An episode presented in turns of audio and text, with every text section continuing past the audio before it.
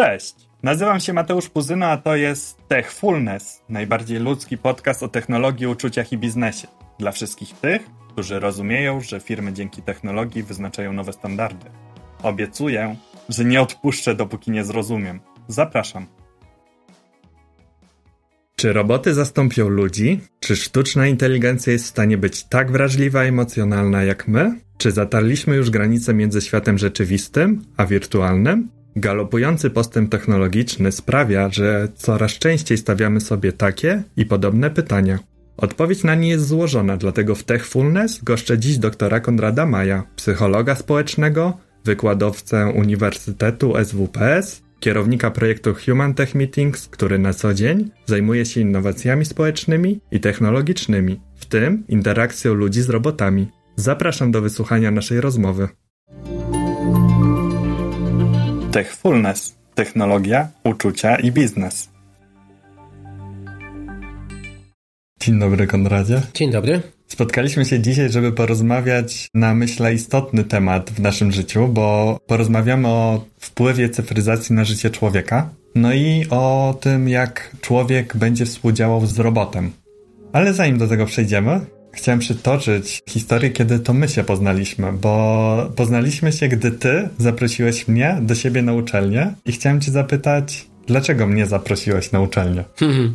Dlatego, że nauka potrzebuje takiego zewnętrznego spojrzenia. My potrzebujemy tego, aby nasi studenci również mogli usłyszeć, jak widzą pewne rzeczy praktycy, co myślą o cyfryzacji, o technologii. To jest taka okazja, żeby dwie strony też się czegoś nauczyły, bo tak samo i jeśli pojawiają się praktycy w murach naszej uczelni, jest okazja do tego, żeby od nich czegoś się dowiedzieć, czyli mówię tutaj o kadrze naukowej. Jest też szansa na to, żeby może jakieś tutaj stworzyć powiązania, może nawiązać jakąś współpracę.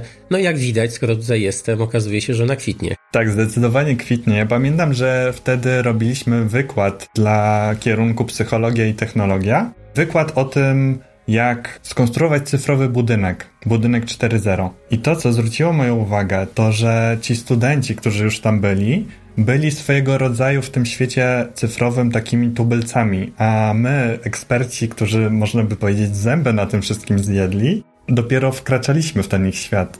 No tak jest rzeczywiście, że to jest pokolenie Z i ich się nazywa takimi tubylcami cyfrowymi, dlatego że oni jak się urodzili, to już był internet, dużo było technologii, która dla wcześniejszych pokoleń no, jest wciąż jakąś magią, więc oni się czują jak ryby w wodzie, mają dużą swobodę w poruszaniu się w tym świecie i dla nich te zjawiska, które dla na przykład starszego pokolenia wciąż są fascynujące, aż tak fascynujące nie są, bo dla nich ten postęp technologiczny jest naturalny, oni od dziecka gdzieś tam tym żyli. Oni się też nie boją technologii. Także tutaj myślę, że my paradoksalnie możemy się uczyć od tego młodszego pokolenia, tej świadomości, takiego obeznania i to jest moim zdaniem dobre, dlatego że dzięki temu na przykład ty, czy jakieś firmy technologiczne, które zapraszam, mają jakoś tak łatwiej, żeby się dogadać, porozumieć i czasami trzeba powiedzieć sobie to zupełnie szczerze, że oni no nie mają takiego dobrego, że tak powiem, flow z wykładowcami ze starszego pokolenia, bo oni operują zupełnie innym językiem, myślą innymi kategoriami, ta cyfryzacja dla nich jest czymś bardziej naturalnym, a dla starszego pokolenia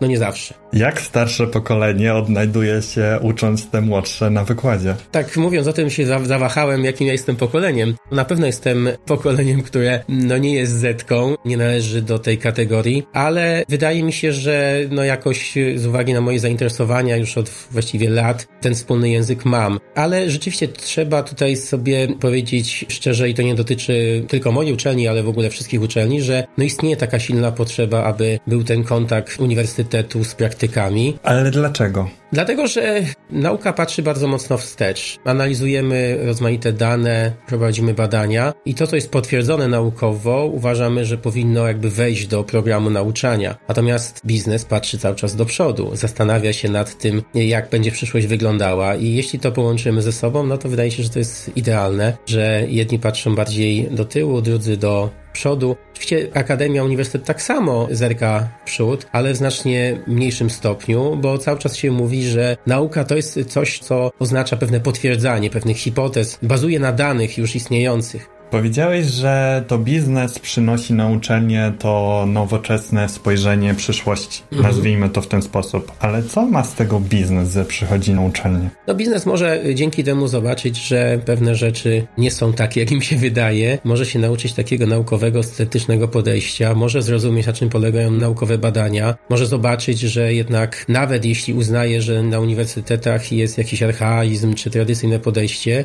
to jest taki naukowy sceptycyzm, to jest takie krytyczne podejście do pewnych rzeczy, może zobaczyć po prostu, jak się robi badania naukowe. To wcale tak nie jest, że po prostu nie można robić badań naukowych co do przyszłości, bo też można to robić, można badać pewne trendy, potrzeby ludzkie i tak dalej. Więc ja myślę, że to też jest duża korzyść i też może biznes no jakoś tam się zatrzymać. Niektórzy mają jakieś wspaniałe pomysły. Jeśli nie mają odpowiedniego wsparcia ze strony ekspertów, naukowców, no to może się okazać, że po jakimś czasie no zainwestowali w coś, co nie miało sensu, co się nie przydaje, co nie wpisuje się w aktualne potrzeby i tutaj naukowcy mogą być bardzo pomocni. Konrad, ta technologia wkracza w nasze życie każdym możliwym wejściem, kratką wentylacyjną i oknem. Powiedz, jak ona wpływa na człowieka? No i to jest takie pytanie, że myślę, że mógłbym tutaj długo, długo siedzieć i to był materiał na chyba 20 podcastów, ale bez wątpienia jest tak, że technologia ogólnie mówiąc nam życie ułatwia, ale nam też sporo odbiera. Właściwie każda technologia. Przecież wszyscy sobie zdajemy sprawę z tego, jakim zbawieniem było na przykład wynalezienie samochodu. Ale no przecież przez to my mniej chodzimy i widzimy, że konsekwencje tego też są bardzo ważne, istotne i teraz to niektórzy mówią, no nie, musimy się pozbyć samochodów. Więc dociera do nas, że trochę żeśmy przedawkowali motoryzacji. Więc y, tak jest z każdą technologią i myślę, że właśnie dlatego akademicy są potrzebni, którzy mogą czasami tam grozić palcem, mogą czasami mówić o tym, żeby jednak pamiętać o tych efektach ubocznych. Nie ma y, właściwie neutralnej technologii. Wszyscy widzimy, co spowodowały smartfony. Przecież no mamy wszystko pod ręką, wiedzę, ogromną bazę danych, mamy sobie, nie wiem, mapy, jak jesteśmy gdzieś zagubieni, możemy zawsze się też z kimś połączyć, skontaktować, coś tam sprawdzić w internecie, ale z drugiej strony się od tej technologii uzależniamy i myślę, że dobrym przykładem jest chociażby IBM Watson for Oncology. To jest rozwiązanie oczywiście bardzo pomocne, bo potrafi diagnozować bardzo szybko choroby onkologiczne, ale jednak, no cóż, no, tam gdzie ten IBM for Oncology się pojawia, tam następuje pewnego rodzaju rozleniwienie. Rozumiem, że to jest rozwiązanie, które zastępuje lekarza w diagnozie. No właśnie nie powinno tak być, że zastępuje, tylko to jest narzędzie pomocnicze. I myślę sobie, że no podobnie jak z wieloma innymi rozwiązaniami, które są wykorzystywane w medycynie, to to jest dla lekarza pewien sygnał, to to jest dla lekarza jakieś narzędzie pomocnicze, ale on powinien sam wyciągać dalej z tego wnioski, zlecić jakieś dodatkowe badania, uzyskać potwierdzenie. No ale bywa tak niestety, że lekarze mając jakąś technologię, nie tylko tą, o której wspomniałem, ale jakąkolwiek inną, na tym się koncentrują, zwłaszcza jeśli nie mają jakiegoś doświadczenia albo nie mają za bardzo czasu. No i to wydaje się niebezpieczne, bo w tym momencie no, technologia staje się jedyną wyrocznią. Ja tak miałem z GPS-em. Pewną trasę na basen na siłownię pokonuję trzy razy w tygodniu, a w pewnym momencie rozładował mi się telefon komórkowy i ja byłem przerażony. Się zastanawiałem, czy ja wrócę do domu. Myślę, że każdy miał chyba w swoim życiu taką sytuację, że nagle mu padł telefon i się okazało, że czuje się totalnie pogubiony, więc to jest moment, kiedy my sobie uświadamiamy, jak technologia na nas mocno wpływa, jak jesteśmy od niej uzależnieni. I myślę, że to jest taki moment refleksji, ale też musimy wiedzieć, że rzeczywiście, na przykład jeśli chodzi o GPS, no badania pokazują, że nadmierne użytkowanie GPS-a powoduje, że część naszego mózgu no, jest nieaktywizowana. Te neurony nie są pobudzane. I na przykład jak porównano brytyjskich taksówkarzy, którzy jeździli cały czas na GPS-ie i tych, którzy tego unikają, no to okazuje się, że ci, którzy tego unikali, no to ich mózgi mają lepsze zdolności przestrzenne, lepsze zdolności wyobrażeniowe, więc no to pokazuje takie długofalowe skutki używania w tym wypadku takiej technologii technologia wkracza w nasze życie pełną parą. Można powiedzieć, że czasami nawet z brudnymi butami. Gdzie jest granica? Ja nie potrafię powiedzieć, gdzie jest granica. My ją za chwilę przesuwamy. No w ostatnich nawet miesiącach przecież wszyscy mówimy o czacie GPT, mówimy o tym, jak sztuczna inteligencja potrafi malować obrazy, potrafi komponować piosenki itd., tak itd., tak więc właściwie nie ma takiej chyba już granicy, ale myślę, że technologia nie będzie w stanie nam tego zastąpić. Nawet jeśli, jak niektórzy twierdzą, na przykład Hans Morawec, który uważa, że jednak około 2040-50 roku maszyny będą potrafiły odczuwać, będziemy mogli tutaj jakieś procesy emocjonalne zbudować niejako, tak, zaprogramować w robotach na przykład. Ale wydaje mi się, że to jednak jest pewna granica i nasze uczucia będą czymś nieskopiowalnym, niepowtarzalnym, będą zawsze nasze, ludzkie. Konrad, a kim on jest? Hans-Peter Morawec to jest jeden z najwybitniejszych badaczy i wręcz prekursorów sztucznej inteligencji. On jest profesorem na Carnegie Mellon University. Zresztą tam miałem okazję też być i o nim tam po raz pierwszy usłyszałem. I on jest między innymi słynny z tego, że zbudował w ramach swojej pracy doktorskiej pierwszy samochód autonomiczny. Co prawda bardzo prymitywny, ale no można powiedzieć, że był rzeczywiście takim pionierem w tym zakresie. No i on też jest autorem takiego paradoksu. Mówi się paradoks Moraweca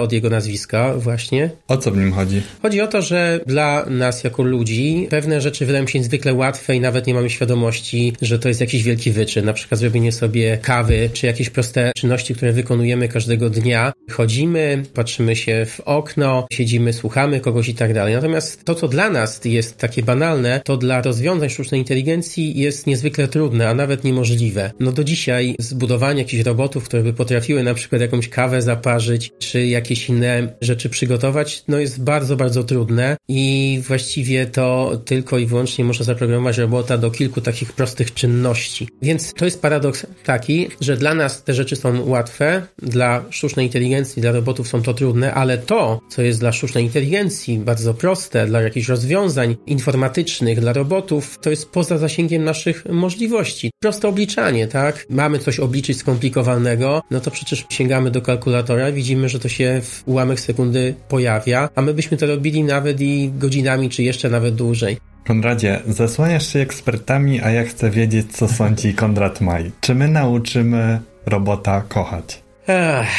Myślę, że to będzie wciąż złudzenie i trochę się tego boję, ale trochę to rozumiem. W Niemczech ostatnio zbudowano takiego robota, który potrafi przytulać i te przytulanie jest rzeczywiście takie bardzo ludzkie. Robot wyczuwa, że chcemy na przykład się uwolnić, robot ma takie dłonie swoiste, które są ciepłe i no jak się okazuje, pierwsze eksperymenty pokazały, że ludzie bardzo chcą takiego przytulania, a więc my potrzebujemy uczuć, potrzebujemy uwagi, potrzebujemy właśnie też miłości. No i i to, co uzyskujemy ze strony technologii, to jest jakaś proteza, to jest jakaś symulacja, to nigdy nie będzie to samo i dlatego myślę, że zawsze będziemy woleli prawdziwe uczucia, prawdziwych partnerów, nie jakichś cybernetycznych, pomimo tego, że coraz częściej mówi się o sztucznych, syntetycznych ludziach. Także technologia nam tego nie da, a co więcej jeszcze, jak to też mówił Zygmunt Bauman, ona nam daje takie złudzenie samowystarczalności. Nie potrzebujemy innych ludzi, mamy internet, mamy inne technologie, możemy z nią obcować, po co nam inni? Ale jednak się okazuje i myślę, że chyba wszyscy to czujemy, zwłaszcza po pandemii, że naprawdę inni ludzie nam są potrzebni. To jest nie tylko miłość, ale pewne wyzwania. Nawet jak są kłótnie, to, to nas rozwija. To prawda, ja pamiętam te pierwsze dni, kiedy my wróciliśmy do biura po tej separacji pandemicznej i jak tutaj po prostu emanowało taka chęć bycia tutaj z ludźmi, współpracowania, ale dobrymi przykładami są też trendy, które teraz obserwujemy. Nawet ta cyfrowa młodzież, która wychowała się w tym cyfrowym świecie, wraca do tych gier planszowych, poznaje je na nowo, do tych maszyn manualnych, piłkarzyków, bilarda. Tak, no być może jest trochę tak, że my czasami za szybko obwieszczamy taki triumf technologii nad człowiekiem, nad uczuciami, nad jakąś potrzebą jakiegoś takiego manualnego kontaktu z rzeczywistością, z naturą, że być może właśnie nawet im więcej z tej technologii, to my uznajemy, że nam czegoś brakuje, że ona nam coś po prostu zabrała i gdzieś biegniemy do natury, biegniemy do dotykania czegoś, jakiegoś kontaktu sensorycznego. Więc tym ja widzę pewną nadzieję, bo to są takie nasze naturalne potrzeby i myślę, że to się trochę tak nawet dzieje, tak? No zresztą badania to pokazują, że te pokolenie młode Z jest bardzo na to wrażliwe wrażliwe, że w ramach ich potrzeb, ich celów, to nie jest właśnie ten świat technologiczny, tylko świat czysty, świat bogaty środowisko naturalne, świat niezagrożony. Przecież często to młodzi ludzie mówią o kwestii zmian klimatycznych. Oni się tym mocno przejmują. Oni chcą mieć ziemię rzeczywiście pełną tego zdrowego takiego środowiska naturalnego. Wiemy już, Konradzie, że nie wierzysz w to, że robot będzie prawdziwie kochał. Ja chyba jestem po tej samej stronie barykady ty. Mam taką nadzieję nadzieję, że jeszcze te ludzkie kompetencje zostaną ludziom, ale przejdźmy może teraz do tematu interakcji człowieka z robotem. Jak się uczy roboty? Trzeba pamiętać o tym, że robot robotowi nierówny i jeśli mówimy tutaj o robotach społecznych, bo wiadomo, są też roboty na przykład kuchenne, są też roboty sprzątające, one są zaprogramowane, właściwie to są takie zwarte struktury i tam już nie, nie ma żadnego machine learningu, ale są roboty bardziej zaawansowane, które po prostu się same uczą, czyli uzyskują pewien feedback z otoczenia, potrafią wyciągać wnioski i potrafią zmieniać swoje postępowanie. Chcesz mi powiedzieć, że są dwa typy robotów? Jedne te, które możemy wcześniej zaprogramować do jakichś czynności, one je po prostu wykonują, ale jest też typ robotów, który same się uczy? Możemy tak ogólnie powiedzieć, bo oczywiście tych typów jest cała masa, ale ogólnie możemy powiedzieć tak, że są takie roboty, które mają takie rozwiązania machine learningowe pozwalające na uczenie się. I na przykład jest taki robot iCap w Instytucie Technologicznym w Genui,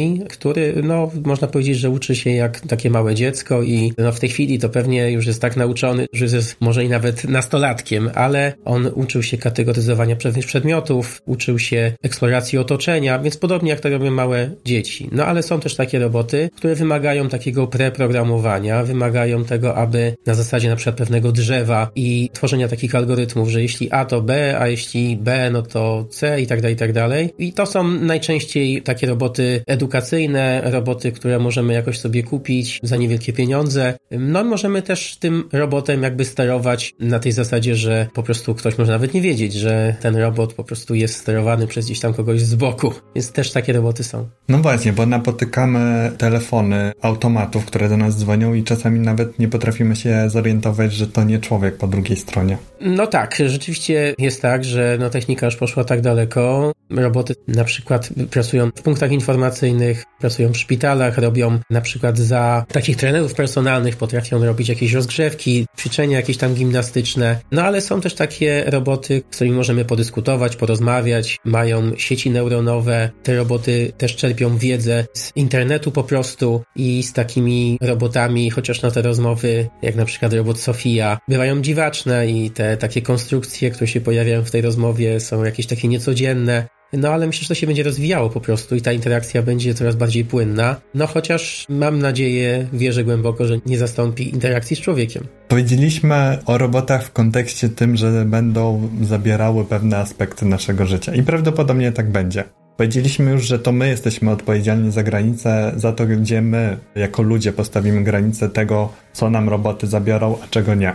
Ale powiedz, czy roboty będą wspierać w przyszłości ludzi? Mam tu na myśli te dobre wspieranie. Może tutaj zacznę od takiego małego protestu, bo powiedziałeś, że roboty nam zabiorą pracę. To jest takie oczywiście proszczone sformułowanie, ale w istocie jest tak, że to ludzie ludziom poprzez roboty mogą jakąś tam zabrać pracę, ale to też pytanie jest o to zabranie pracy, bo być może to jest nawet danie pracy, bo w wielu wypadkach przecież jest tak i pokazują to analizy, że jeśli chodzi o netto, no roboty, robotyzacja częściowo spowodują, że ludzie jakieś miejsca pracy utracą, ale pojawią się też dodatkowe miejsca i szacuje się, że nawet to może być około 150 milionów w ciągu najbliższych 10 lat w Europie nowych miejsc pracy w wyniku robotyzacji. Ludzie, którzy nagle mają zmienić swoje obowiązki w miejscu pracy, to znaczy na przykład zamiast takiego przysłowiowego stania przy taśmie, nagle zamieniają się w tych, którzy nadzorują roboty, sprawdzają, kontrolują, programują, trenują też roboty, bo też takie zawody już są, nowe zawody, no to właśnie oni będą z tego zadowoleni.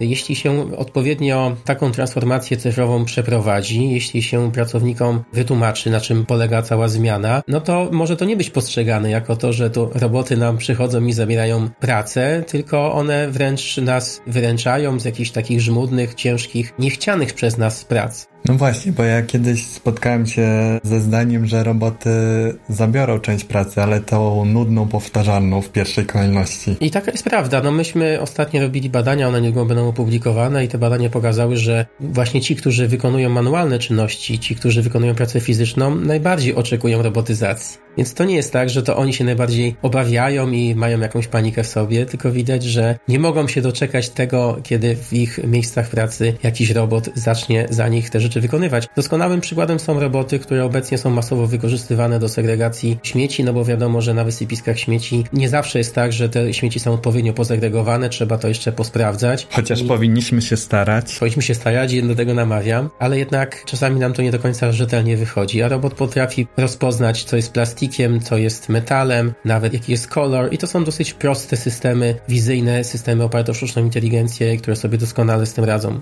Powiedz, co Konrad Maj, psycholog, powiedziałby każdemu przeciętnemu Polakowi, jakie powinniśmy mieć podejście do technologii? Myślę, że przede wszystkim powinniśmy trzymać się zasady, żeby nie żyć technologią, a żyć z technologią i pamiętać o tym, że ona nas ma wspierać i że musimy mieć do niej dystans i myślę też sobie, że to jest zadanie chyba dla rodziców, dla wychowawców, dla edukatorów, dla całego po prostu systemu społecznego, aby rozbudzać też zainteresowanie takim światem fizycznym fizycznym, naturalnym, miłością do niego, a wtedy technologia będzie dla nas dodatkiem, nie będzie aż tak mocno atrakcyjna, bo ja myślę, że to zamiast narzekać na technologię, to powinniśmy właśnie iść w taką stronę, żeby bardziej pokazywać atrakcyjność tego realnego świata.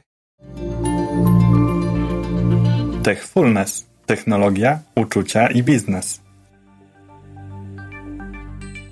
Jaki jest Konrad Maj po tym, gdy wraca do domu, gdy przestaje wieścić tą cyfryzację, edukować z zakresu digitalizacji? Jak Konrad Maj odpoczywa? No, tutaj sprostowanie, że ja nie tylko oczywiście mówię o nowych technologiach i edukuję w tym zakresie, no bo ja staram się też właśnie rozbudzić zainteresowanie tym światem, jaki jest wokół nas więc gdzieś tam próbuję to przemycać. No, może nie jestem specjalistą w tym zakresie, ale jako psycholog wiem, że to wymaga takiego zbalansowania, więc mówiąc o technologii, staram się podawać jakieś przykłady i mówię na przykład, jak wygląda sposób myślenia przed Finlandii. Ja jestem jej wielkim fanem i tam ten proces edukacji polega na tym, że właśnie jest sporo zajęć w terenie, w naturze, gdzieś w lesie, dzieci się uczą biologii właśnie w środowisku naturalnym. Wracając do Twojego pytania, jak ja jestem, to właśnie chyba jestem takim połączeniem. Nie jestem Finem, to prawda, ale fińsko się czuję często, bo bardzo rzeczywiście delektuję się naturą i jak tylko mogę, to gdzieś uciekam na jej łono i cieszę się, póki jeszcze ona jest wokół nas i dlatego mieszkając pod Warszawą, mając ogródek, naprawdę każdy kwiatek mnie cieszy i każda jakaś pszczółka, która się pojawi na moim ogródku, piesek i tak dalej, kotek, to jest w ogóle coś niebywałego i wszystkim to polecam.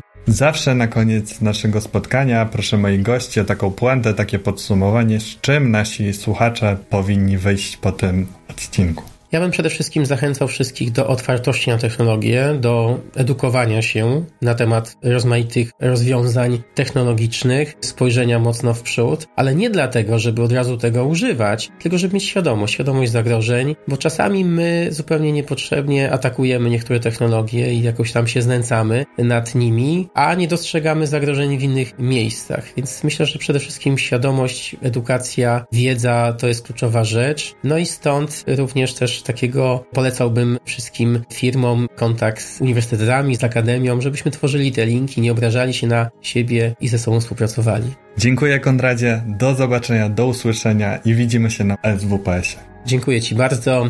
To była naprawdę duża przyjemność rozmawiać z Tobą, no i widzimy się w przyszłym semestrze.